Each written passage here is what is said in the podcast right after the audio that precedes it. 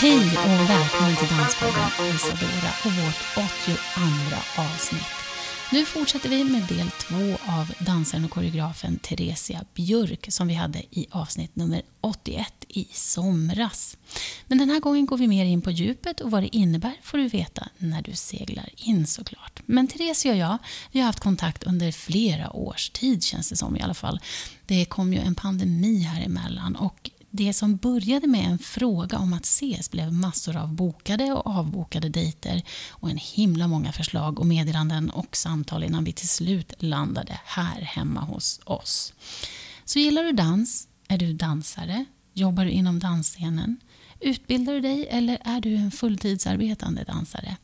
Kämpar du med inspiration eller är du på väg att ge upp? Är du mitt uppe i ett projekt och kanske behöver ta lite tid för någonting annat? Eller är det någonting helt annat än jag förstår? Oavsett det så är du välkommen in i det här avsnittet för nu rullar vi in. Hej Theresia och välkommen till Danspodden. Tack så mycket. Vad trevligt att du är här. Roligt att vara här. Vi, vi tar ju vid egentligen eh, efter att ha mm, träffats i somras. Mm. Eller för några månader sedan, ja precis, i början av sommaren. Och där vi bestämde att vi ska sitta ner i lugn och ro och ta det här Just det. Ordentligt. Ja, Ja. nu är vi här. Vad, vad, vad kan du berätta lite grann om? Du var ju på väg till Visby då. Och jag vet att din sommar har varit eh, också i Barcelona och liknande. Kan du berätta lite grann om vad som har hänt sen vi sågs Ja, senast? det känns som att allting har gått jättesnabbt sen vi såg, så jag har gjort väldigt mycket. Mm. Eh, Men då när vi såg så var jag på väg mot Visby. Mm. Och där var jag ju då på ett residens på Länsteatern i Visby Mm. i två veckor och jobbade med workshops och visade delar av arbete. Och jag hade föreställningar i deras domkyrka i Visby. Mm. Och eh, jag hade väldigt mycket jobb hela de två veckorna egentligen med att också färdigställa mitt verk som heter Amorf som Mm. jag vill eh, visa under våren 2023. Så det jobbar jag med i Visby då och sen så kom jag hem till Stockholm och var lite ledig under sommaren. Men sen i augusti så var jag i Barcelona Mm. och eh, det var ett arbete som var uppskjutet på grund av pandemin Mm. i nästan två och ett halvt år. Ja. Eh, och dels var det för att vara med vid en återstart av ett projekt som heter BIDE, Barcelona International Dance Exchange, som jag en gång var med och startade upp. Och nu var det egentligen tänkt att jubileet skulle varit under pandemin, men det blev ju inte av då. Och nu så blev det av. Och sen så eh, startade jag upp ett nytt samarbete med en annan koreograf i Barcelona eh, som heter Sebastian Garcia. Och eh, vi började på vårt nästa arbete, ett projekt som heter Reunion. Var det någonting som var planerat eller var det någon du sprang på när du var där? Nej, det är planerat. Allt är Mm. väldigt planerat. Det är bara att det var uppskjutet på grund av pandemin. Mm. Och nu blev det äntligen av som en restart Mm. på alla sätt. Mm. Så det har jag gjort där. Och sen nu har jag varit tillbaka i Visby igen. Mm. Kom precis hem därifrån för en dag sedan. Eh, och då har jag gjort uppföljande workshops med eh, de som går en ettårig dansutbildning på Kulturama som har flyttat till Visby. Mm. Och sen hade jag daglig träning med de som är professionellt utövande i Visby. Och så gjorde jag framträdande i domkyrkan igen inom en hållbarhets och klimatkonferens kan man säga. Mm. som sträckte sig över en hel dag. Mm. Som avslutades med föreställning på kvällen med två musiker från Visby som jag jobbar med där. Mm. Och sen så visade jag dansfilmer min- mitt eget material på Folkets bio i Visby. Mhm. Och sen så åkte jag hem. Men allt det här har varit planerat sedan tidigare och så har det Ja, skjutits upp. ja, precis. Hur, hur har pandemin släppt sitt grepp, upplever du? Eller? Ja, nu är det ju full fart. Nu, Ja. nu är det som att alla vill verkligen sätta fart. Ja. Eh, Så för oss frilansers så tror jag det är stor skillnad nu.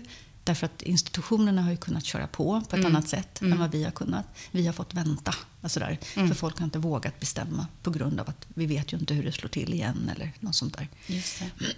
Men nu så är det full fart och nu, nu rycks det i alla trådar. Men när du åkte till Visby igen, var det en sån här callback, alltså att du fick åka tillbaka för att eh, du hade varit där? Eller? Ja, det var det. Dels var det det och sen var det att den här hållbarhets och klimatkonferensen slash workshop slash dag för världen, den var bestämd sedan tidigare. Så den visste jag redan när jag var i Visby i juni att den skulle bli av i september. Mm. Men eftersom de visste då att jag skulle komma tillbaka för det så var det flera som ja men om, det ändå kommer, kan du komma några dagar tidigare så kan vi sådär. Och så blev det så. Just det. Så det var jätteroligt. Ja, vad härligt. Så det var ett gott resultat av residenset kan man säga. Är det någonting nytt inplanerat då eller? I Visby? Ja. Eh, inte just nu, men det var många som frågade nu när jag var där, hur får vi dig hit igen? Mhm. Så vi får väl se vad som händer. Är det någonting mer dansrelaterat där nu? Alltså har de ett pågående, liksom, någon slags residens för, för folk? Eller? Ja, residens har de en gång varje år i alla fall. Så Mm. jag, hade, jag hade det sjätte residenset. Så det har varit residens före mig. Men Mm. jag, eh, jag tror att inblandade i residenset förstod att man kan göra det residens på väldigt olika sätt. Mhm. Och jag gjorde ju ett, ett residens som de aldrig har varit med om tidigare. Hur då? Ja, jag gjorde nog väldigt mycket inom mitt residens och det har de inte varit vana vid. Okej. Så att, eh, på det sättet så tror jag satte en ny, liksom, ett nytt sätt att göra residens på. Alltså det som är mitt sätt att göra residens. Att man har workshops, att man har föreställningar, att man bjuder in. Och jag träffade ju jättemånga av dem som jobbar med dans och även de som utbildar sig i dans även under sommaren. och så där. Och, eh, Så att eh, vi får väl se hur residensen blir framåt. Men sen är det ju många andra som jobbar med dans på Gotland också. Mm. Eh, många fristående aktörer Mm. som bor runt om på hela ön. Så att, eh, det är lite svårt att nå dem om man inte är på ön. Mm. Och i, ofta är ju de också bortresta på jobb. Mm, Så att, eh, man får ju se till att samla det så här som de har gjort nu då med workshops.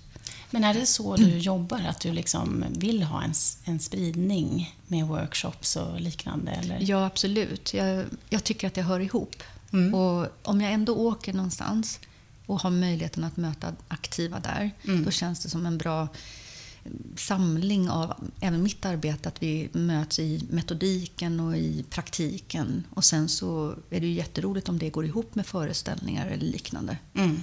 Så det, det tycker jag är väldigt bra. Är det allt planerat eller är det någonting som du gör när du får, får du någon inspiration och kan liksom göra någonting utöver det du har tänkt eller så? Nej, på plats menar du? Ja. Nej, alltså det blir bara jobb 24-7. Ja, okej. Alltså det är bara det. Ja. Ehm, ja, I somras hade jag en halv dag ledig. Mm. Eh, det var midsommarafton. Okej. och den här gången, så, både i Barcelona och, och i Visby den här gången, så var det jobb in i alltså last minute, verkligen. Ja. Ehm, för att det fanns ingen möjlighet att resa i, liksom, förrän det var klart på något vis. Och sen så morgonen efter så åkte jag. Okej. Så jag har inte hunnit göra så mycket annat. Och så ser det oftast ut för mig. Det är väldigt sällan jag har någon ledig tid. Jag tänkte ju säga, du verkar gilla det. Ja, jag tror att jag är så ovan vid att vara ledig. Jag har Mm. jobbat hemskt mycket hela mitt liv. Pandemin var ju bra för mig, för då fick jag liksom tagga ner Mm. och lära mig vara i det. Men jag jobbade ju jättemycket då också, så att jag kan inte säga att jag var ledig. Mm. Sen tror jag att jag har nog inte riktigt fattat grejen med att vara ledig, för det blir så väldigt lätt jobb för mig. Alltså sådär, jag kommer till en plats och kanske ska vara ledig, Mm. eh, men så blir det alltid något som dyker upp där som är jobbrelaterat och så är jag inne i jobb igen. Liksom. Så jag har nog svårt, men någon eftermiddag här och där tycker jag är fint, även här hemma. Liksom. Men hur har pandemin påverkat dig då? Jag tror att, alltså för min del var det positivt. Dels för att jag behövde en stund av reflektion, eh, som jag tror många upplevde eh, gemensamt med mig. Men på ett annat sätt, för det är ju inte det att jag inte reflekterar annars. Jag Mm. reflekterar oerhört mycket. Men det blev en annan sorts reflektion och det var också ganska skönt där att känna att det är okej att bara jobba hemifrån. Mm. Eh, man måste inte göra massa saker. Det var, det var positivt. Och också att på något sätt klargöra för mig själv vad vill jag göra sen när det är möjligt. Mm, Och liksom verkligen fokusera på vad jag tycker är viktigt.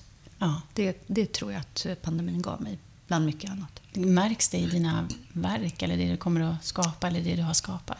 Jag tror att alla livserfarenheter märks i mina verk eftersom jag jobbar med verkligheten liksom, på något Mm, sätt. Mm, I, I det magiska och i det som inte är verklighet. Så att Mm. det kommer det nog göra.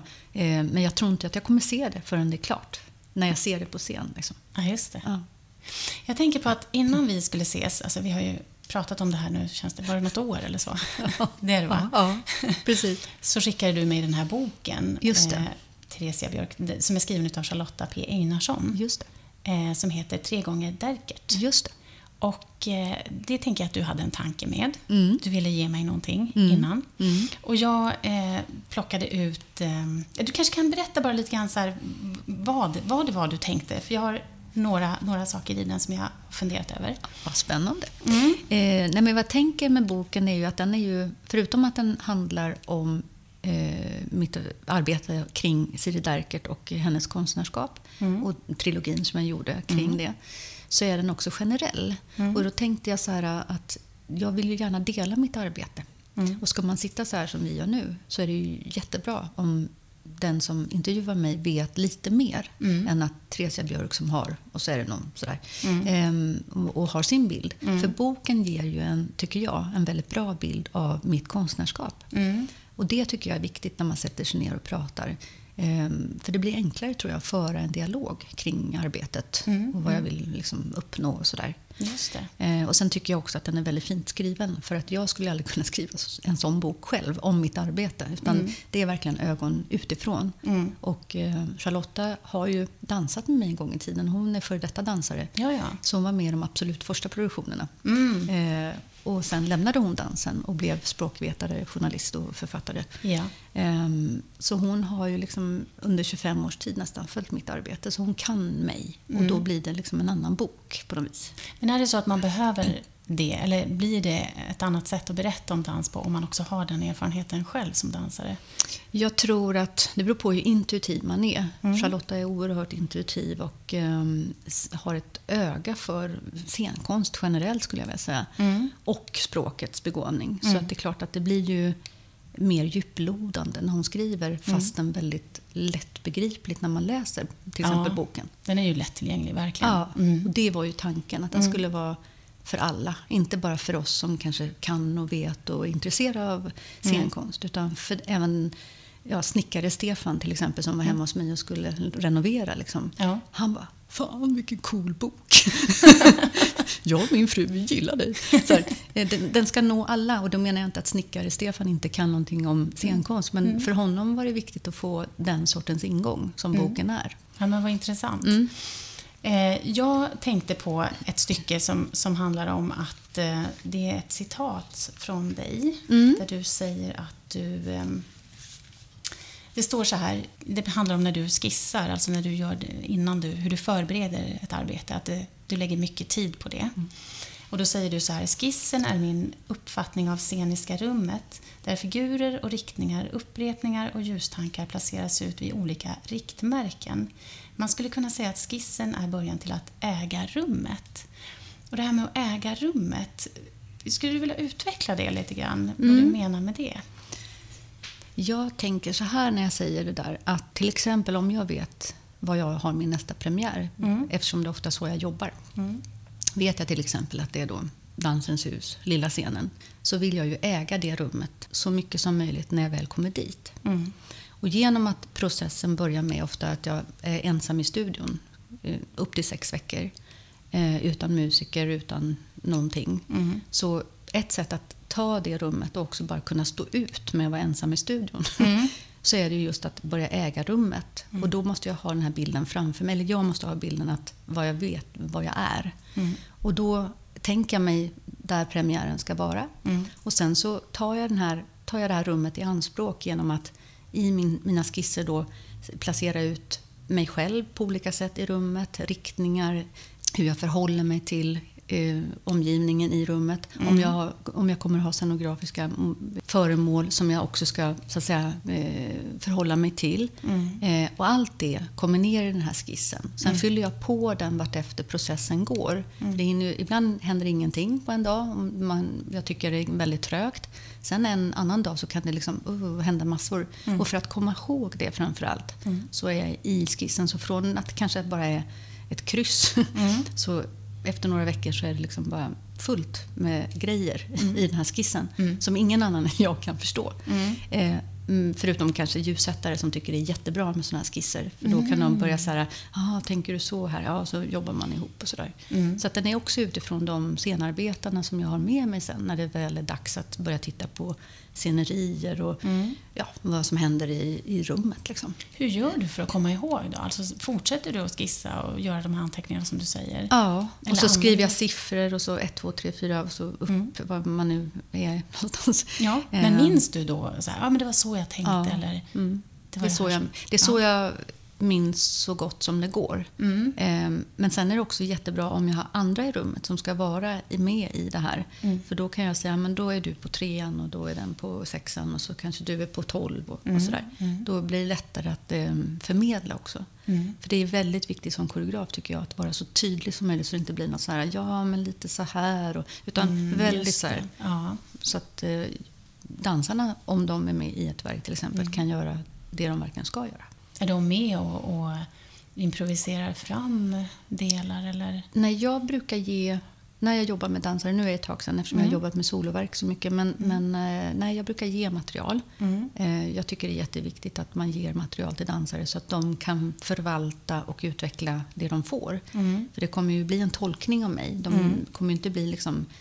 Jag vill ju inte heller att det ska vara x antal mini-Theresior som springer omkring, även om det kan vara jättefint också. Ja, ja. Men det är ju väldigt fint när de kan förvalta och tolka och utveckla materialet. Mm. För jag menar, jag är ju äldre nu också, så de kan ju göra massa saker mycket bättre än Mm. jag. Mm. Men de kan följa dina, dina tankar och sen Ja. visa... Ja. Och sen ger ju jag dem jättemycket mer än just rörelse. Jag ger ju dem varför de gör det. Mm. Jag vill också ha ett uttryck, för jag är ju en dansare som dansar med hela mig, med Mm. ansikte, allt liksom. Ja. Och då vill jag ju få ut det från dem också. Och jag väljer ju sådana som jag vet kan det. Mm. Så att det inte bara är blankt liksom. Nej, just det.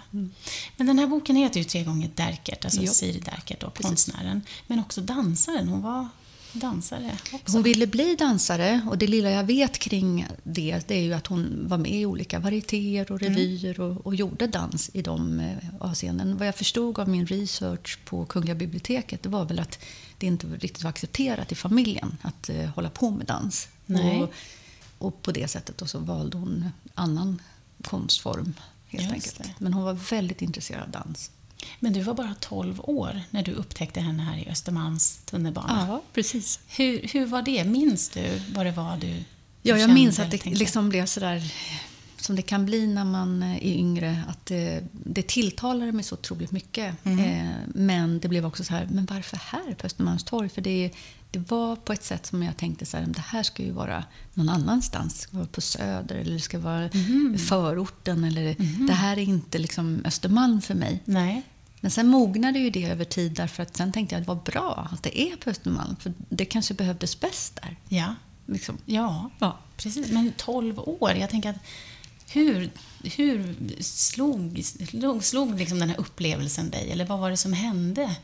Det var nog att det tilltalade mig väldigt mycket med det, liksom, det är ju nästan lite grafiskt i Östermalmstorg. Mm. Och det tilltalade mig väldigt mycket och jag blev väldigt nyfiken och tyckte att det var liksom fulsnyggt på Mm. något sätt. Och det tilltalade mig eftersom jag var, var nästan lite provocerad av allt det vackra. Liksom, sådär. Mm, Eh, mm. och, Ja, det skaver ju ganska mycket. Ja, Mm. så att, ehm, och det var väl det som satte igång någonting hos mig, helt enkelt. Mm.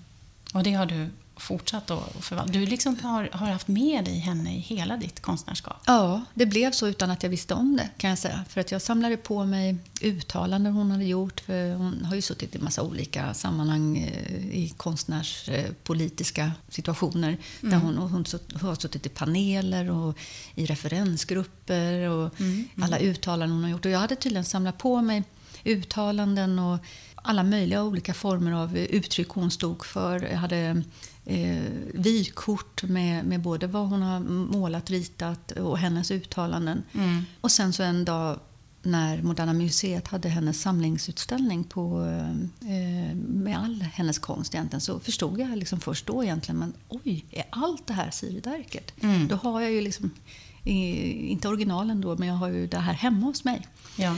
Eh, och då någonstans tänkte jag, men jag måste ju undersöka vad det här beror på. För att jag inte, att jag inte, dels att jag inte har förstått att allt var Siri Derkert, men också hur, hur har det kommit att bli så här för mig? Mm. Och då bestämde jag mig för att eh, om jag får möjligheten så måste jag göra någonting kring Siri Derkert. Mm. Eh, och sen kom den möjligheten några år senare när jag hade spelat på Soppteatern på Stadsteatern. Så fick jag möjligheten att eh, göra eh, fler föreställningar fast på fri scen istället. Mm. Och då började jag med trilogin inför det. När var det, sa du? det var, jag var på Toppan 2013 och så var det premiär på trilogin första delen 2014. Just det. Och du sa att du satt på Kungliga biblioteket också? Ja, min research började där 2013 Mm. och det var en himla tur att jag började då. För det fanns hur mycket material som helst. Mm. Och det var tur att jag hade på något sätt bara bestämt mig för att jag skulle göra en trilogi. För jag vet inte, visste ju knappt själv vad det var, men jag tänkte att det ska jag göra. Och det var ju tur, för att när jag såg allt material så förstod jag att det här kan inte bara bli en föreställning, utan flera. Mm. Och hur skiljer de tre föreställningarna sig? De skiljer sig på så sätt att dels eh, är de i olika färger. Så eh, första, och, första delen går i brungrått, andra delen i eh, blått och svart och sista är helt i vitt. Och sen så skiljer de sig åt att första var mer generell om Siri och hur jag förhöll mig till det genom att vara ny i min research och allt nytt som kom. Andra delen var om hennes Paristid där jag också var i Paris och gjorde research i hennes gamla kvarter och var vid hennes lägenhet och sådana saker. det, ja. Och sen sista delen var en blandning av ettan, tvåan och det som hon inte hade pratat så mycket om tidigare. Hon började alltså prata om att hon var tvungen att lämna bort sina barn. Väldigt sent i sitt liv började hon prata om det. Eh, det var en sån här jättekänslig sak som hon liksom på något sätt sparar väldigt länge. Så jag, i tredje delen så tar jag upp delar av det här med det, med barnen, eh, fam, familjelivet som hon liksom på något sätt hade valt att inte prata om. Just det. Och sen så är det som sagt var första och andra delen går in och ut ur sista delen. Så att eh, jag plockar upp som lite repris. Liksom, sådär. Mm. Ehm, men så är allting helt vitt som blir liksom en helt annan bild än av ettan och tvåan. Mm. Men det verkar också som att ni har haft ni har lite liknande referenspunkter. Eller så här, era liv verkar vara lite liknande. De har varit jättelika. Det var Ja. nästan läskigt när jag läste första breven som Siri skickade från Paris och hem till Stockholm. Mm. Det var en jättemärklig känsla att känna att det där kunde jag ha skrivit. Ja, vi har haft väldigt många likheter och också olikheter som har gjort det möjligt för mig, tror jag, att eh, göra det här. För att hade vi varit ännu mer lika, då hade det nog varit jättekomplicerat. Vad, vad såg du för, eller vad har du sett för olikheter? Ja, Men hon var ju, på grund av sin tid, tänker jag, ganska vass. Mm. Hon var tvungen att vara så vass och karg sådär, för att det var så mycket män som beställ, bestämde, precis som nu egentligen, men, men på ett annat sätt. Men det var ju också väldigt många män som ifrågasatte hennes konst. Och, hon fick verkligen, som kvinna på något sätt, var hon så ovanlig. Eh, jag känner inte att jag har behövt vara så ovanlig. Jag, har inte heller, jag, har, jag är inte som person så vass som hon var. Eh, men jag har kanske också kunnat vara mjukare för att jag har uppskattat mjuka värden på ett annat sätt. Och jag har kunnat få göra det. Mm, Eh, det fick nog aldrig hon, kan jag känna.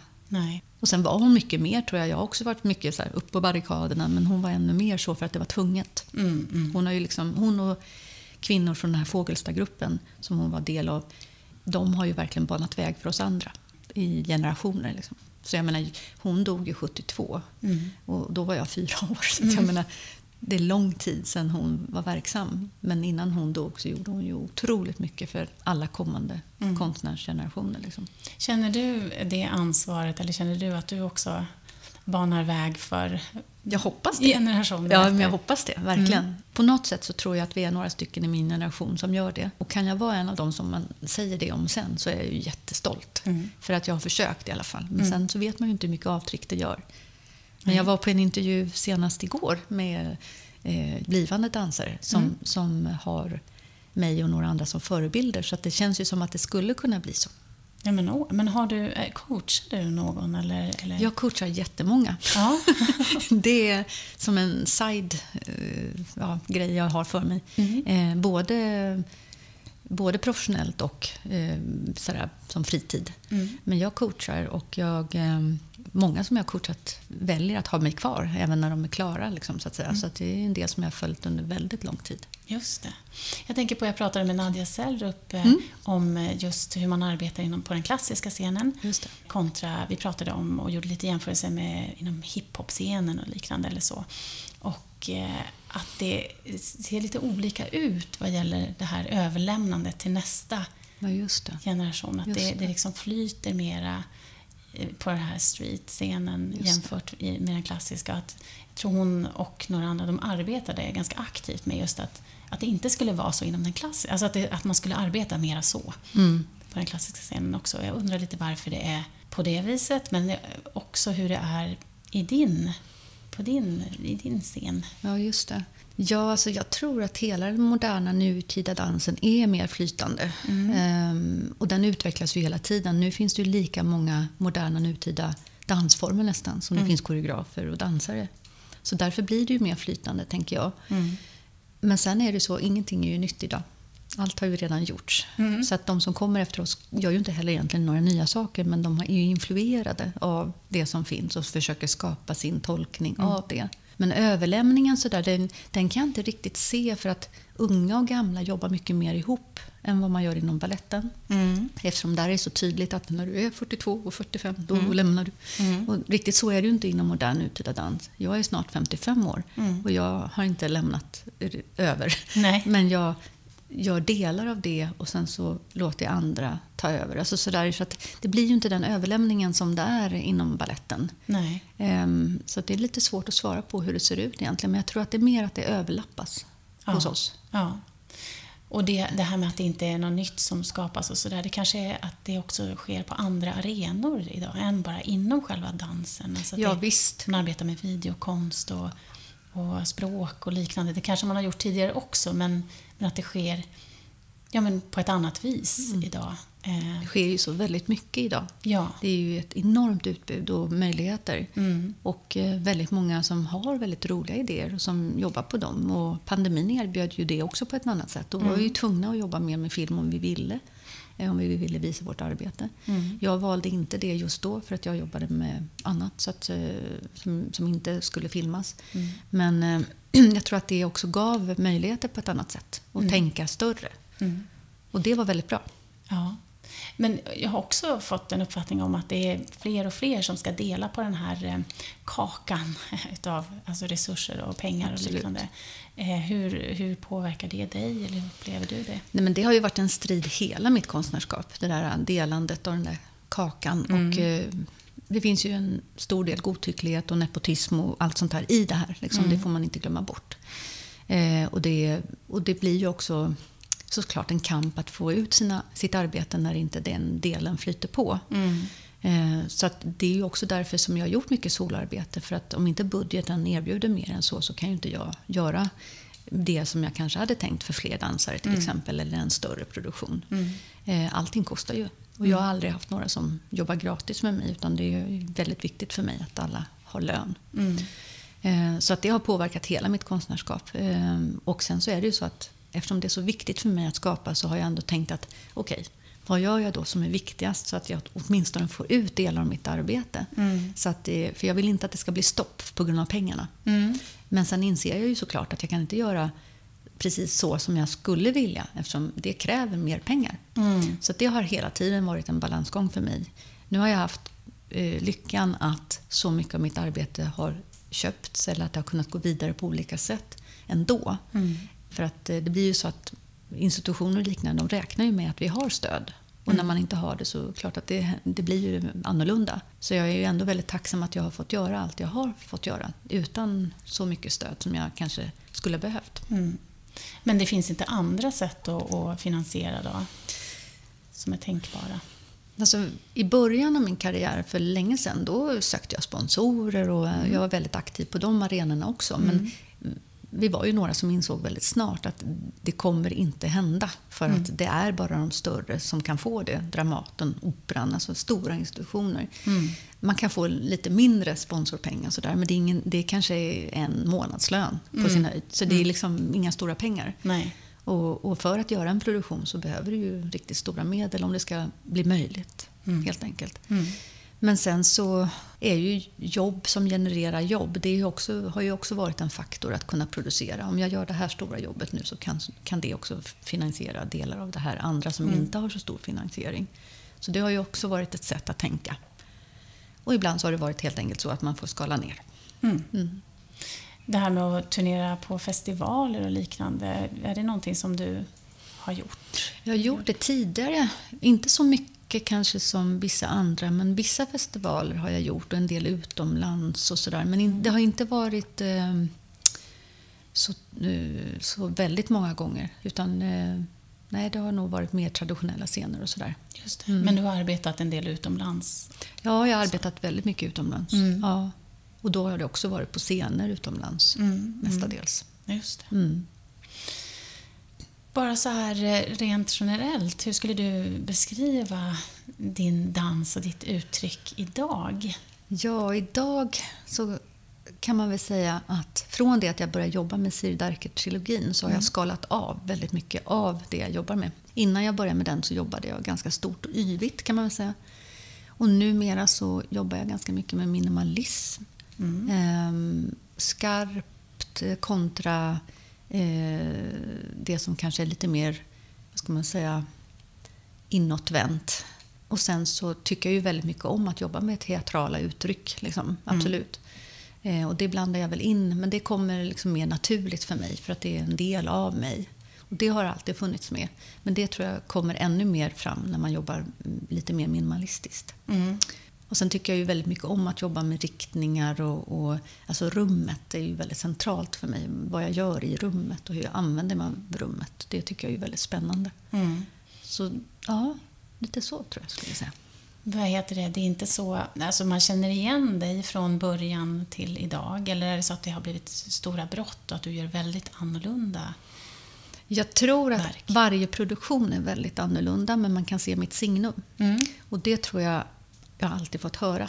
Alltså från tidiga verk fram till nu att Ja, var det du som gjorde den? Ja, just det. Ja, dina händer. Eller Ja, alltså sådär. ja. Så att eh, jag försöker ju komma vidare varje gång. Men sen är det klart att eh, mitt signum finns ju med. Och sen i varje föreställning jobbar jag ju ofta med ett, eh, olika teman. Även om det var Siri Darkert under lång tid så var det ändå olika teman i varje föreställning. Och sen efter Siri Darkert så jobbar jag ju med inre rum som var utifrån godhetstemat. Då blev det ju en helt annan, inte en helt annan, men det blev en annorlunda touch av liksom vad jag jobbar med koreografiskt. Eh, som jag fortsatt utveckla efter det och som kommer bli en annan variant nu i nästa verk. Just det. Om man sk- skulle ställa frågan om vad du vill med dina verk och din dans, vad skulle du svara då? Ja, men det centrala är nog, kommer nog alltid vara så att beröra och bli berörd. Det är väl egentligen att jag har ju alltid något sorts budskap men som kan tolkas individuellt. Det är inte att jag skriver någon på näsan att det här handlar det om. Men beröra och bli berörd är väl egentligen det som jag främst vill, om jag kan. Och då, det är inte det att man måste gilla. Men eh, man kan, man, jag hoppas att eh, publiken går därifrån med en tanke eller en fråga eller kanske rent utav är provocerade. Så här, "Åh, vad var det här? Liksom. Ja, just det. Är det någon särskild du vill nå? Jag tänkte på att du pratade om din snickare till exempel. Jaha, nej, men jag vill nå det så brett som möjligt. Ja. Och eh, jag är jättelycklig över att jag faktiskt har fått göra det. Det, var, det, det har varit väldigt lyckosamt att locka in bred publik för mig. Mm. Ehm, och kanske också få vissa som inte tyckte om att gå och se scenkonst att eh, helt plötsligt, ja men det här var ju intressant, man kanske kan se lite mer. Mm. Upplever du att du har provocerat? Oh ja! På vilket sätt då? Nej, men jag tror att det beror väl lite på var människor befinner sig i sina liv. Så provocerar jag mer eller mindre. Och jag tror att människor som verkligen vill veta vad är det jag ser kanske inte får det svaret. De blir provocerade av att vad, är, vad vill hon berätta? Liksom, för att jag inte skriver dem på näsan. Och sen så såklart eftersom jag jobbar med teatrala eh, uttryck så är, det ju också provocerande såklart för många. Och att jag liksom inte räds att, eh, att det kan bli lite jobbigt för publiken. Eller att det, jag jobbar ju ganska mycket med humor också. Och en del kan bli provocerade om att ska jag tycka det här är roligt nu? Eller, alltså, Ja, just det. Man vet inte riktigt. Nej. och det tycker jag jättemycket om när det blir så att man inte vet riktigt. Nej, just det. Men det är också en del i den här boken om att inte intellektualisera för mycket kring det man ser. Precis. Hur tänker du kring det? Är det en känsla man ska få eller känslor? Ja, jag tycker att det är skönt om det håller sig till en känsla. Eh, Sen är ju alla människor olika och behöver man intellektualisera det så får man ju göra det såklart. Men eh, jag, för, alltså jag föredrar nog att beröra och bli berörd så att det just är den här känslan man har när man går därifrån och har sett någonting. det tycker jag själv jättemycket om. Jag var och såg en föreställning igår kväll och då blir man ju, jag blev jätteglad att gå därifrån och känna bara att det här var väldigt starkt. Ja. Det räcker långt för mig. Just det. Mm. Hur kommer det sig att du hamnade i den här konstformen dans? Du har inte bara gjort det, eller hur? Nej, nej jag, har- jag har ju jobbat... Eller hur jag hamnar i allt det här är ju egentligen att jag har velat utvecklas som eh, performer, tror jag. Eh, och jag menar, jag har ju gått den långa vägen med att börja på Kungliga Svenska Balettskolan och ja, gå vidare därifrån. Men sen har det alltid varit någon person eller flera personer som eh, ryckte mig från olika håll och, och då har jag fått möjligheten att prova annat. Och eh, på den vägen är det kan man säga. Och därför har jag jobb, fått jobba väldigt brett. Mm. Och eh, undervisa jättemycket till exempel. Och så där. så det är ju en ynnest också. Mm. Eh, och det ena ger ju det andra. Så på något sätt så tycker jag att det gifter sig med varandra väldigt bra. Och det är jag väldigt glad för. Eh, för jag får ju möta så otroligt många fina människor genom att jag har jobbat på bredden. Men vet du när du gick över till att bara arbeta med dans? Minns du någon? Ja, men alltså egentligen började jag nog jättetidigt för att jag utsatte mina klasskamrater för diverse projekt Ja. eh, som väldigt ung. Ja. Och det var alldeles för långa föreställningar. Och, eh, eh, jag tog solorollen själv och sådär, så det var väldigt ocharmigt. Eh, men eh, sen kan man väl säga att när jag, jag ju, har ju tre barn Mm. och när jag hade mina två första barn så insåg jag ju att jag kommer att behöva välja. Och jag tyckte redan då att branschen var lite knepig med att- hur, hur man väljs och inte väljs och utifrån vad och inte sådär. Så då gjorde jag nog ett aktivt val när jag var sådär typ 26. Att jag ska nog jobba mer med mitt eget Mm. än vad jag har gjort fram till då. Mm. Och där någonstans tror jag att eh, det började än, ännu mer så att säga. Och inte bara så här småplottrigt utan då började jag planera för mina produktioner på ett annat sätt än vad jag hade gjort innan dess. Innan var jag nog mer dansaren liksom sådär. Och, och ibland skådespelaren. Så. Mm. Men du har ju berättat lite grann om dina skisser och sådär, men Mm. hur ser din skapande process ut i övrigt?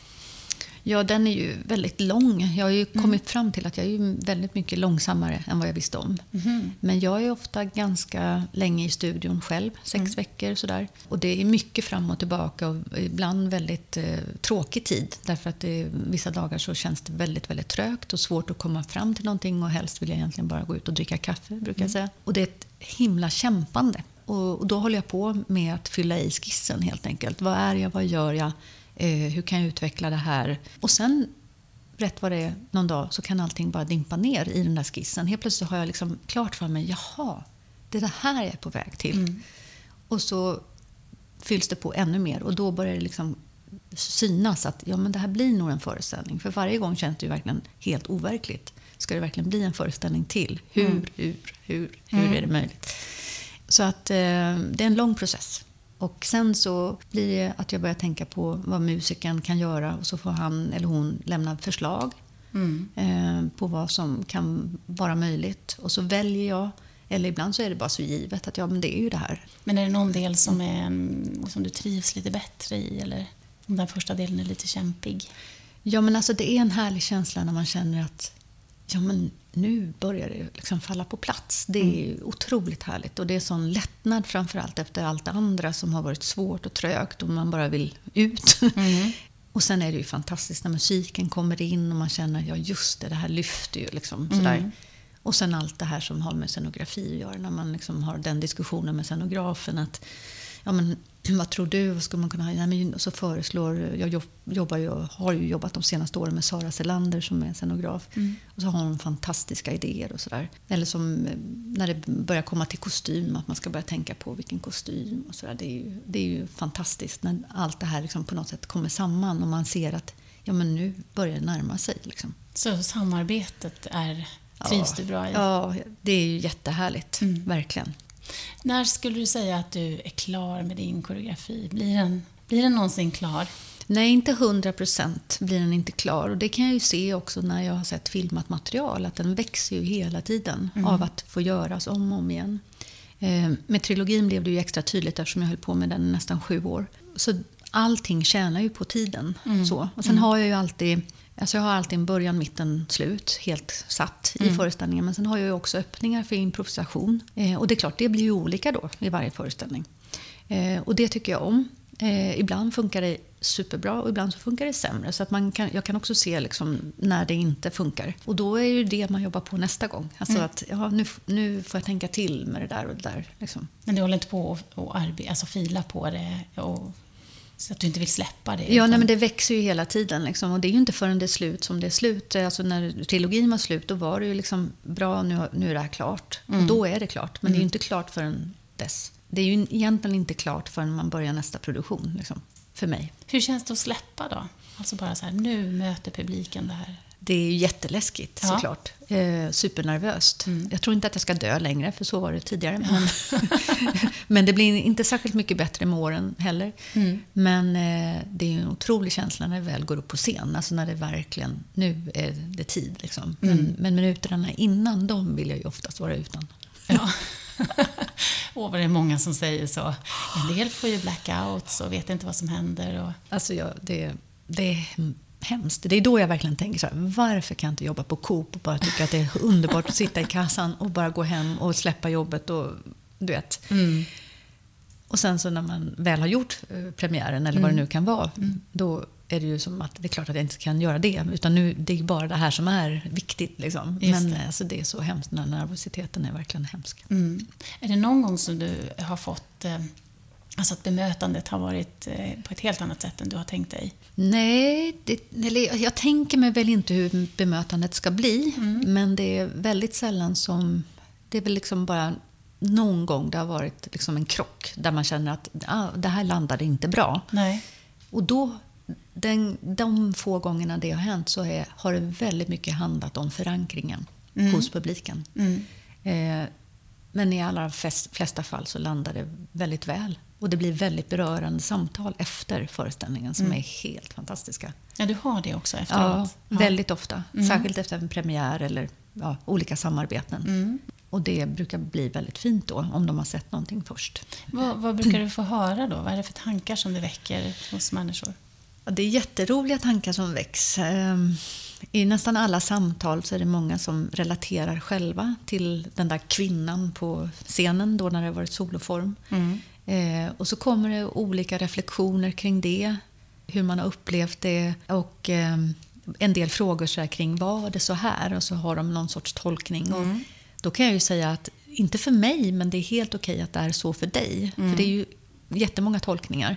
Och tolkningen i sig är ju egentligen det viktigaste för mig. Att de har kunnat leva sig in i det och känna igen sig och eh, uppskattat det. Eller, eller blivit sådär liksom att, Nej, men jag har en fråga, när du gör det där, betyder det att, eller vad det nu är för någonting. och så kan jag säga, nej, ja det kan du göra men också inte. liksom, för att det, det är fritt för tolkning, det jag gör. Liksom. Och sen är det ju oerhört härligt såklart när människor är väldigt berörda. En del blir ju helt så här, tårögda och liksom, det här var så fint. Och, ja, det, där. det räcker ju också jätte, jättelångt. Ja. De behöver inte sätta mer ord än så på det heller. Liksom. Jag tror det var, eller det var Olof Lagercrantz som, som berättade just om att när han skrev, Ja, så när han väl skickade iväg texten, alltså när, det inte, när han hade skrivit klart, Ja, det. det var då den började leva egentligen. precis. Är det så det känns för dig också? Eller Ja, absolut. Absolut. Och det är ju lite som att skicka iväg det när det väl är igång. Liksom. Mm, mm. Och då blir det ju också en annan dimension, för det är ju helt fantastiskt när publiken, när man får möta publiken med det som är skapat i ensamhet och väldigt mycket så här våndor och konstigheter. Och det är ju alltid någonting som, åh hur gör vi med det här nu? Alltså det är så mycket fixande och, och sådär. Jag tänker på vad som inspirerar dig utöver Siri Derkert. Ja, precis. Nej, men, eh, Siri var ju verkligen Siri-projektet, men livet är väl det egentligen som inspirerar mig mest. Allt det här vi har runt omkring oss, allt vi håller på och ordnar med i våra liv. Eh, Så var, min vardag är ju väldigt inspirerande framför allt. Och sen är det ju så att jag menar, så kommer det upp teman utifrån det som jag stöter på i vardagen som inspirerar mig till att göra någonting utifrån det. Men när känner du så här, men det här är någonting? Det här är... Det är jättetydligt för det blir alltså det blir nästan som så här wake-up call. Liksom, Aha, här har vi det. Liksom. Vad kan jag göra på det här? Och Det kan vara allt från att jag ser en byggnad i min vardag, en blomma eller ja, ett möte. Eller, um, ja, det, ibland är det väldigt enkla saker liksom, som bara eller som nu efter pandemin, det blev väldigt tydligt liksom att hur gör vi någonting med det här med eh, att eh, vi träffas igen och därför gör, jobbar jag just nu med en duo från, eh, alltså med en dansare och koreograf från Barcelona som, mm. som heter Reunion. Mm. Och det är ju bara utifrån hur, hur, hur gör vi det här nu när vi kan mötas igen? Och det kommer inte handla om pandemin utan det kommer handla just om reunion. Nästa föreställning med tre dansare det som jag jobbar med den, den är ju utifrån amorfa processer och det var ju bara för att jag liksom blev så sugen på kol. Mm. Hur kan jag använda kol? Just det, just det. Och då var jag ju tvungen att läsa på om det och det var ju mm. jättespännande och massa, alltså apropå att jag gillar mönster och linjer mm. och allt mm. sånt där då, då får jag jobba med det också. I att jag, utifrån att jag faktiskt bara valde ett, eh, vad jag tyckte då fint, eh, en fin titel på mm. mitt nästa verk. Ja, just det. så det kan vara så också som det blir olika saker. Men känner du att du har fått offra någonting för att uh, kunna leva det här livet och det här skapandet? Det är ju jättesvårt att själv se vad jag eventuellt har offrat. Jag har ju levt livet fullt ut så mycket som jag kunnat mm. på något sätt. Men sen är det ju så när man dedikerar livet till dans, scenkonst, uttryck. När det betyder så mycket så det är väldigt svårt att säga att man har offrat. Men det är klart att jag har inte varit på semester. Det kanske är ett sätt att offra någonting. Alltså, ja, just det. Men det är ingenting som du har upplevt att så här, nej men åh, det där hade jag ju eller det där hade jag gjort om jag inte hade dansat. Nej, jag har faktiskt aldrig tänkt tanken att Nej. jag offrat eller att jag skulle ha gjort om jag inte... Utan jag tycker att jag har fått göra så otroligt mycket för att jag har dedikerat mitt liv åt dans och scenkonst och uttryck och möta människor och allt det här underbara. Jag ska ta upp ett till stycke här mm. ur boken. som är från en intervju i tidningen Zenit. Mm eh, från 2009 där du betonar, det här är också ett citat från dig då, vikten av att släppa ytan och våga hitta nakenheten. Just det. Vad, vad skulle du säga att det handlar om? Ja, men jag tror att det handlar om att jag hade förmånen att under några år verkligen gå inåt och jobba ännu mer med mitt eget. Mm. Och då var det ju det att jag kom nog från en ganska ytlig värld i dansvärlden, tänker jag, mm. utan att riktigt veta om det. Och så fick jag syn på det. Och, och så började jag jobba ännu mer med mitt eget. Hur, hur eh, fick du syn på det? Vad var det ja, som hände? Jag tror att det var helt enkelt så att jag bytte liv. Mm. Jag, jag tror att flytten jag var ju några år i Västra Götalandsregionen. Mm. Och det är under den här tiden som jag sa det där. Och där, där fick jag jobba från ett annat håll. Mm. Det var väldigt nyttigt för mig, faktiskt. Eh, jag tror inte att jag gjort det jag gör idag om det inte vore för de åren i Västra Götaland. Mm. För på något sätt så fick jag möjligheten att titta mer på mitt eget skapande och utveckla det. För att eh, det var inte helt givet att eh, att vara där för mig, det var helt annorlunda. Eh, jag lämnade Stockholm med allt vad det innebar och jag lämnade också ganska mycket av de utlandsuppdrag jag hade gjort ett tag mm. och var väldigt mycket på plats. Okay. Och i det så kom det ju saker som jag kände, ja men här, nu får vi släppa just det här ytliga mm. och bara titta på nakenheten utifrån vad är det egentligen och vad blir det då om mm. jag släpper allt det andra. Så det var att släppa tror jag. Och utifrån det så kom då det där uttalandet. För jag, i samband med det där scenet så fick jag ett pris mm. för det jag hade gjort under den korta tiden på plats. Mm. Det var väldigt stort för mig. Eh, jag blev oerhört hedrad och glad. Vad var det för pris? Ja, det var Zenit, eh, den här um, tidningen, som mm. hade ett uh, sorts kulturpris som de tilldelade då mig det året. Och Just det det var, var jag väldigt, väldigt tacksam och glad över och betydde hemskt mycket för att eh, komma vidare. Så att därifrån kommer det uttalandet av att jag helt enkelt skalade av och började om i både liv och skapande samtidigt på något sätt. Hur kommer det sig då att du gjorde den där, eh, det här spelet där, eller att du, att du flyttade och lämnade? Ja, det är ju det här traditionella, att man träffar en kärlek. Ja. det var faktiskt så. Mm. Ja, ja, ja. Mm. Och sen så, sen så gick du tillbaka, eller sen hamnade du på en annan nivå när du kom tillbaka då till Stockholm? Och... Ja, precis. Jag längtade så mycket hem helt enkelt för att jag gjorde nog den där klassiken att det var väldigt bra ett tag. Mm. Och sen så kände jag att nej, men jag måste flytta hem igen. Och då fick jag med mig väldigt mycket hem och det var väldigt skönt att känna att när jag kom hem så var det också så här, men vad roligt att du är tillbaka. Ja. för det var jag livrädd för att det inte skulle vara. Har man varit borta några år så kan det ju bli tvärtom. Liksom. Jag tänker den, den sista delen här som jag tittade på i boken, det var så här, varför Siri Derkert? Och det har ju du svarat en del på. Finns det någonting annat eh, i det som du skulle vilja berätta? Jag tänker, du var 12 år gammal, du har berättat att du liksom har gjort en massa research av henne och så. Men eh, är det något annat där som du skulle vilja lägga till om just den delen? Om just Siri Darker-trilogin? Ja, ja. ja, det finns väl många saker, men det jag tänker på spontant direkt är väl att jag är så oerhört tacksam att jag bestämde mig för att göra trilogin. Mm. Därför jag lärde mig så mycket om, eh, inte bara Siri Darkert under den tiden, utan också om hur viktigt det är att produktioner får ta tid. För att jag sa nej till allt annat under den perioden, förutom lite undervisning. Och det gjorde ju att jag fick möjligheten att djuploda och vara kvar i en process på ett helt annat sätt än innan när det var snabba ryck. Kan du göra lite för det och kan du göra lite för det och sådär som det är i dans ofta. Och jag valde bort det. Och jag är väldigt tacksam att jag kunde välja bort det och att jag bestämde mig för att nej men nu är det bara det här. Mm. För det tydliggjorde mitt arbete och det, det känns som att det var väldigt viktigt och har burit mig väldigt mycket efter. Liksom. Mm. Och bär mig fortfarande såklart, även om jag har släppt trilogin för länge sedan nu, 2018 ungefär, och gjort annat därefter, så är det ändå så att det, det bär jag ju med mig och det är värt otroligt mycket. Mm. Så de där, eh, de där sju åren med trilogin var oerhört värdefull tid Mm. i ett skapande. Det kommer alltid vara. Liksom. Mm, Och, och Siri kommer ju alltid finnas med på något sätt. Ja, det verkar som, Mm. som att ni går lite sida vid sida. Ja, men det känns som att hon sitter här någonstans på axeln. Ja. Men hur ser du på framtiden? Ser du några så här trender inom, inom dans, dansen? Vi har ju pratat lite grann om det. Ja, men precis. Också, hur ser du på din egen utveckling? Och, Ja, trender i dans, eh, det finns det ju hela tiden. Men jag tycker någonstans att just nu så ser jag inte några nya trender sådär jättemycket. För jag har varit så mycket inne i eget arbete och pandemin har nog också gjort att det stannat av lite för mig att kunna se vad är trenden. Och som sagt var, det finns ju egentligen ingenting nytt sådär. Utan jag tycker mer att folk bara jobbar på. Och väldigt många unga gör väldigt mycket spännande och roliga saker som är roligt att följa. Sådär. Min egen utveckling det är väl mer att jag vill fortsätta arbeta på och göra mer verk för andra. Eh, Jag behöver ju inte vara på scen själv. Alltså det är ju inget tvång på något sätt. Och jag känner inte att jag känner att jag har gjort så pass mycket så att jag behöver inte.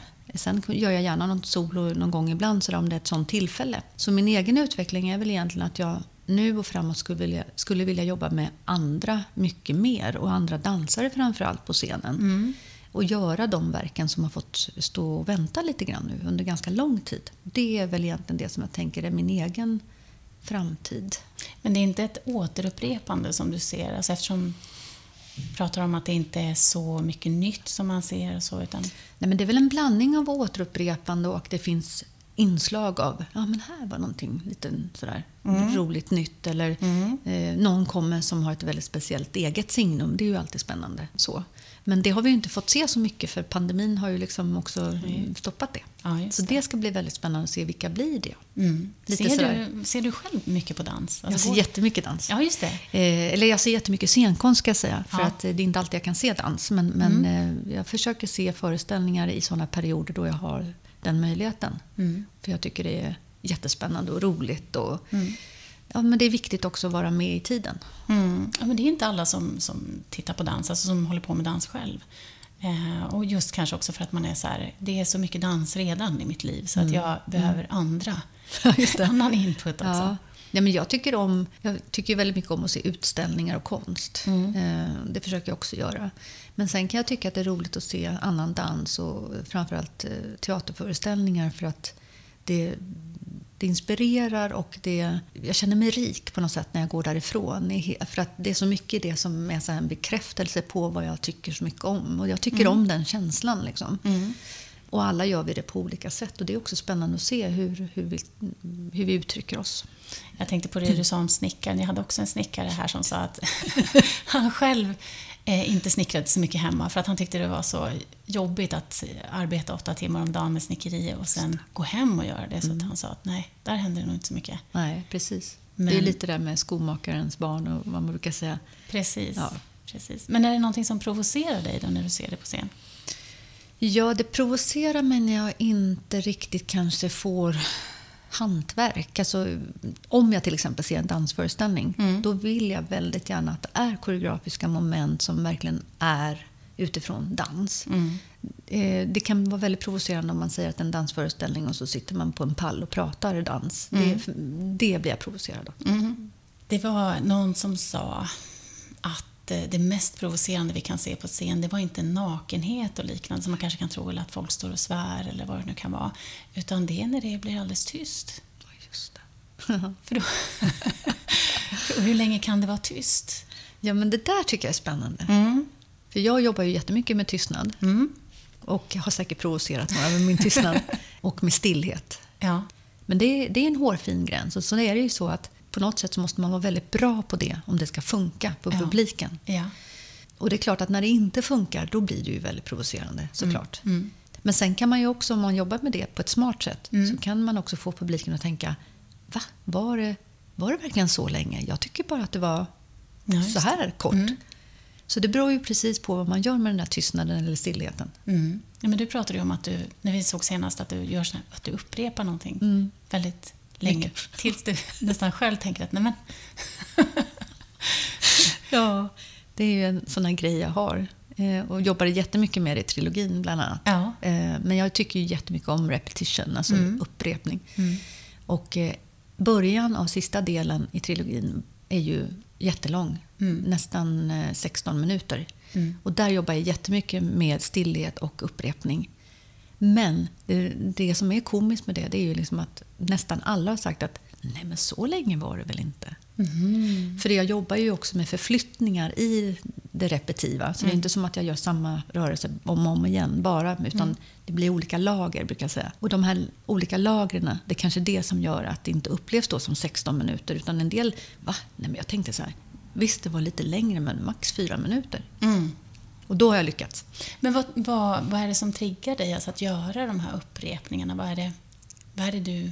Ja, men det är nog att jag Gör. tycker så mycket om att jobba med de här olika lagren. Att hela, all, min, all min tid går till att jobba med lager på lager på lager i den här föreställningen, Mm. oavsett tema. I repetition så har man en väldigt stor möjlighet att jobba med lager. Mm. Just genom att göra små, små förflyttningar men som ändå är en ändring av det repetitiva mönstret. Mm. Och gå fram och tillbaka i det. Oj. Mm. Och just att jag är så nyfiken på lager, både vad gäller uttryck, rörelser, förflyttningar i rummet, så att det nästan blir tredimensionellt, säger en del som ser det. Jag ser det ju inte så, men om man upplever det så så är det ju helt okej. Och det är just det att det tycker jag är så spännande. Mm. Om jag lyckas förmedla det. Eller mina dansare, eller vem, vem det nu är. Ja, och i musiken finns det också massa lager. Liksom. Det låter nästan som att det blir meditativt. Alltså att det är... Ja, för en del blir det säkert det. Det, det sa faktiskt några som såg dansfilmerna nu i Visby. De sa att jag, jag känner mig helt lugn för det blev så meditativt. Ja. Och just det de såg var inte sådär oerhört repetitivt, men det fanns ju inslag av det, absolut. Men jag tänker att det krävs en del mod också. Att våga arbeta så. Ja. Jo, men det gör det nog. Jag tänker kanske inte på det på det sättet, för det är, en, det är nog en del av mig, att jag är modig. Det är ju en del som säger det, du är så modig. Men, Mm. men det är ju liksom ett eh, spelsätt, helt enkelt. Mm. Och jag tycker om det. Och är det någonting du har valt eller är det någonting som du bara är? Nej, jag har valt det och eh, har förstått att det är en jättestor del av mig. Och när jag fick möjligheten att jobba med det så ville jag liksom inte sluta göra det. Och det började redan 2002. Mm. Så det är länge sedan som jag upptäckte att mm, repetition, det är min grej. Men är det någonting som är du också, även som privatperson, om man ska säga? Jag tror det. Mm. Jag tror det faktiskt. Så man möter en del utav dig i dina verk såklart. då. Absolut. Väldigt mycket mig, tror Mm. jag. Ehm, mer än vad jag själv vet om. Ja. Jag tycker det är lättare att vara på scen på ett sätt än att vara människa. ja. eh, många gånger. Även om jag först och främst vill vara människa. Det är ju egentligen det som jag liksom aim for. Ja. Men, men sen när, jag är på, är på scenen så känns det väldigt självklart på något sätt. Ja. Och, och då ser man ju säkert mycket av mig. Ja. De som känner mig ser ju väldigt mycket av mig, gissar jag. Just det. Ja. Finns det någon fråga som du känner så här, men det här får jag aldrig prata om, eller det här får jag aldrig svara på? Nej, jag tycker faktiskt att jag alltid får väldigt bra och många olika frågor. Så jag kan inte komma på någonting som jag aldrig får prata om. Jag har pratat med, med dansare och koreografer som är så här, men det här är så roligt att få prata om för det här, eh, det här är ingen som, som eh, frågar eller, eller så. Och jag, det är svårt att veta för det, det skiljer sig från olika Ja, personer. precis. precis. Men det är inget som du känner är så här, det här är så viktigt att prata om eller det här bör vi verkligen belysa eller? Ja, nej men det finns ju massa saker såklart som är, mm, är viktigt att belysa. Men oftast så får jag, så här som du, ställer väldigt bra frågor och då får jag prata om det och det känns ju väldigt viktigt att få göra. Men jag tycker ju såklart att vi alla behöver prata mera om att lyfta dansen och föra fram eh, att det är väldigt viktigt. Mm. Eh, lika viktigt som de andra konstformerna. Mm. Och där har vi mycket kvar att diskutera och vara i dialog med varandra. Mm. Och också om vi ska komma från de här lite liksom, försvårande eh, omständigheterna i, i scenkonstvärlden och dansvärlden så tror jag om vi pratar om vad vi gör mer Mm. så tror jag att vi kommer runt många saker och det kan öppnas upp. Mm. Jag, kan jag kan tycka ibland att det är lite stängd värld vi lever i. Även om det är bättre nu än vad det var för många år sedan. Men det finns ju, det finns ju saker kvar att göra såklart. Är det bättre nu än det var för många år sedan? Ja, på vissa sätt är det ju bättre. Jag tänker framförallt um, oss utövare emellan så tycker jag det är en öppnare dialog. Och man, Jag tror att eh, fler samarbeten blir av än vad det blev när jag var yngre. För då var det så här att alla var, hade sina revir nästan sådär. Och det ty, tycker jag ändå har luckrats upp. Hur kommer det sig? Nej, men jag tror att det handlar väldigt mycket om att eh, dans är väldigt mycket ensamt arbete, precis som jag har beskrivit för dig. Alltså, Man är väldigt mycket ensam, man är i studion ensam, man gör det ensam, man eh, ansöker ensam. Man, alltså man är sin egen. Man är, jag är också väldigt solitär. Eh, de flesta jag känner som är koreografer är otroligt solitära eh, som individer. Så jag tror det kommer sig utifrån det. Men också såklart att det är, ju- det är en sån liten business. Liksom. Och alla höll kanske mer på sitt eget eh, som yngre, tänker jag, eller så förr om åren.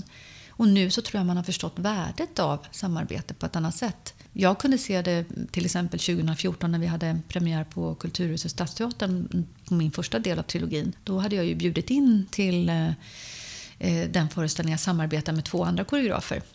Och det var ju verkligen jättebra för oss alla tre. Eh, En större publik, all, liksom något för alla blev det ju lite grann sådär. Det kan ju låta jättefolkligt, men det blev faktiskt väldigt bra. Eh, Och jag tycker fler har gjort så efter det. Att det är fler som samarbetar.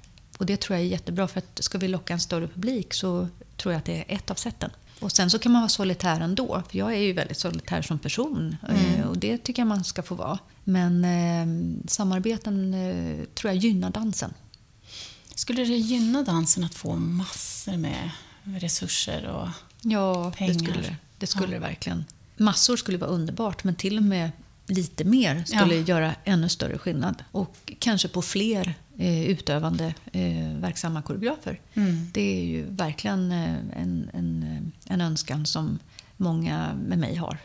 Varför tror du att det fortfarande är då så att dansen hamnar ganska alltså, längre ner på skalan från om man tänker teater och konst och litteratur? Och... Jag tror att det Film. fortfarande handlar om att dansen är svår för många att förstå. Och eh, det hamnar lätt i det här, ja men är det, är det då som ballett eller är det, alltså den, den här gamla frågan om hur, vad dans är. Eh, och då per automatik så blir den liksom en lägre status för att man inte riktigt förstår. Mm. Och det är det vi måste komma bort från tror jag, att man måste förstå dansen. För då kan vi höja statusen. Mm. Och sen måste vi ha många fler sådana här samtal som du och jag har om dans Ja. för att nå ut. Och då tror jag också beslutsfattare och andra som aktivt jobbar med kulturpolitik kanske kan förstå lite mer. Mm. Mm. Och att vi har ambassadörer som pratar för oss, eh, koreografer och dansare, Mm. som lyfter oss och som också berättar hur viktiga vi är. Ja. Ett sånt samtal hade jag idag innan jag skulle träffa dig Ja. eh, med en dansutvecklare eh, som tycker det är jätteviktigt just att lyfta konstnärskap. Mm. Det är så vi kommer nå ut mera, tror jag, framåt. Ja, det känns som att det ändå har varit ganska pågående under rätt många år. Man har Ja. uppvaktat också och försökt att få till liksom mera, mer, alltså satsa mera på det. Men Precis. det känns som att vi alltid hamnar tillbaka Ja. igen. Kanske några steg fram, men Några steg fram och några bak. Ja. Eh, Sen kan man bli förvånad tycker jag att även 2022 att vissa saker inte är självklart. Alltså sådär, att för andra så är det ju helt självklart att du har det här och det här inkluderat i vad du nu gör för jobb och sådär. Mm. Men i dansen, nej, det får du stå för själv. Mm. Ja, sådär. Eh, och så får man dela med det igen. Och, så, liksom ja. och det är ju oerhört frustrerande. Mm, eh, mm. så ska det inte vara 2022, inte 2023. Men, men där har vi en bit kvar. Mm. Eh, och sen i vissa sammanhang så är det liksom allt på samma gång. Och då blir man ju jag blir väldigt glad när det är sådär bra. Mm. Men då inser ju jag också att oj, har vi inte kommit längre? För mm. så himla glad ska jag ju inte behöva bli att det är bra. Liksom. så det, det, det är väldigt dubbelt.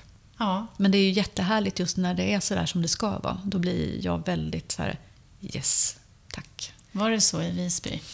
Dels eh, har det varit så i Visby, dels var det så i Barcelona på många sätt. Eh, så har jag det framåt eh, på många sätt. Och även idag då när jag hade det här samtalet med den här dansutvecklaren så det, det är också sånt där som man blir glad av. Mm, för att mm. det är människor som förstår och kan mm. det som behövs.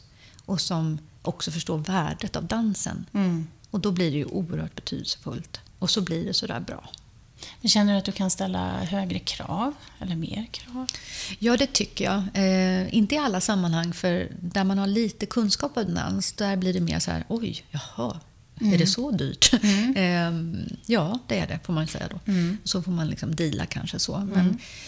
men i vissa sammanhang så är det ju verkligen så här, ja, vi har så här och så här, räcker det? Och då mm. kan jag tycka, ja absolut, det är jättebra tänkt. Mm. Liksom. Eh, så att det varierar fortfarande.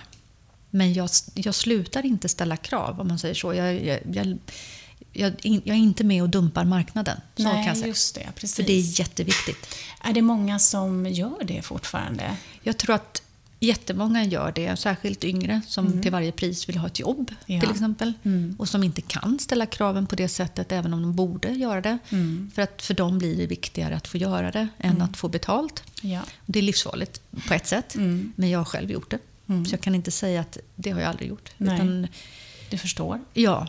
Men jag har inte varit med och dumpat marknaden på det sättet eftersom jag inte i de sammanhangen har, vad ska man säga, jag har i så fall dumpat mig själv, mm. men inte marknaden. Ja. Eh, därför att det har ju gällt då mitt eget arbete. Så mm. jag ser det inte på riktigt samma sätt som om du går in och gör Melodifestivalen for free. Mm. För det är liksom, då dumpar du marknaden, tycker mm. jag.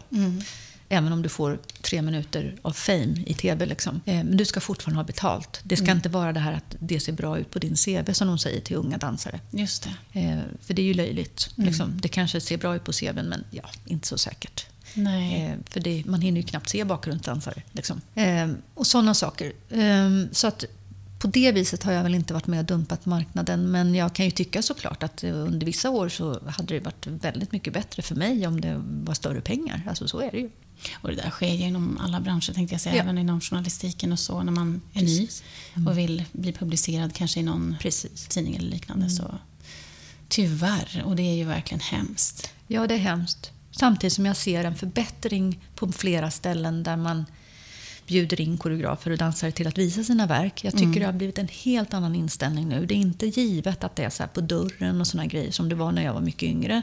Man fick vara glad om man fick det som helt enkelt kom in i biljettintäkter. Mm. Jag tycker det tänket är utvecklat eh, på ett jättefint sätt nu. Mm. Och just de här residenstankarna som har kommit mm. med att innan ni kör så kan ni ha ett residens och så binder man ihop det och mm. så finns det en budget för det. Mm. Eh, så på vissa ställen så har de ju också verkligen steppat upp och gjort mycket bättre lösningar som är mm. jättebra för dansen.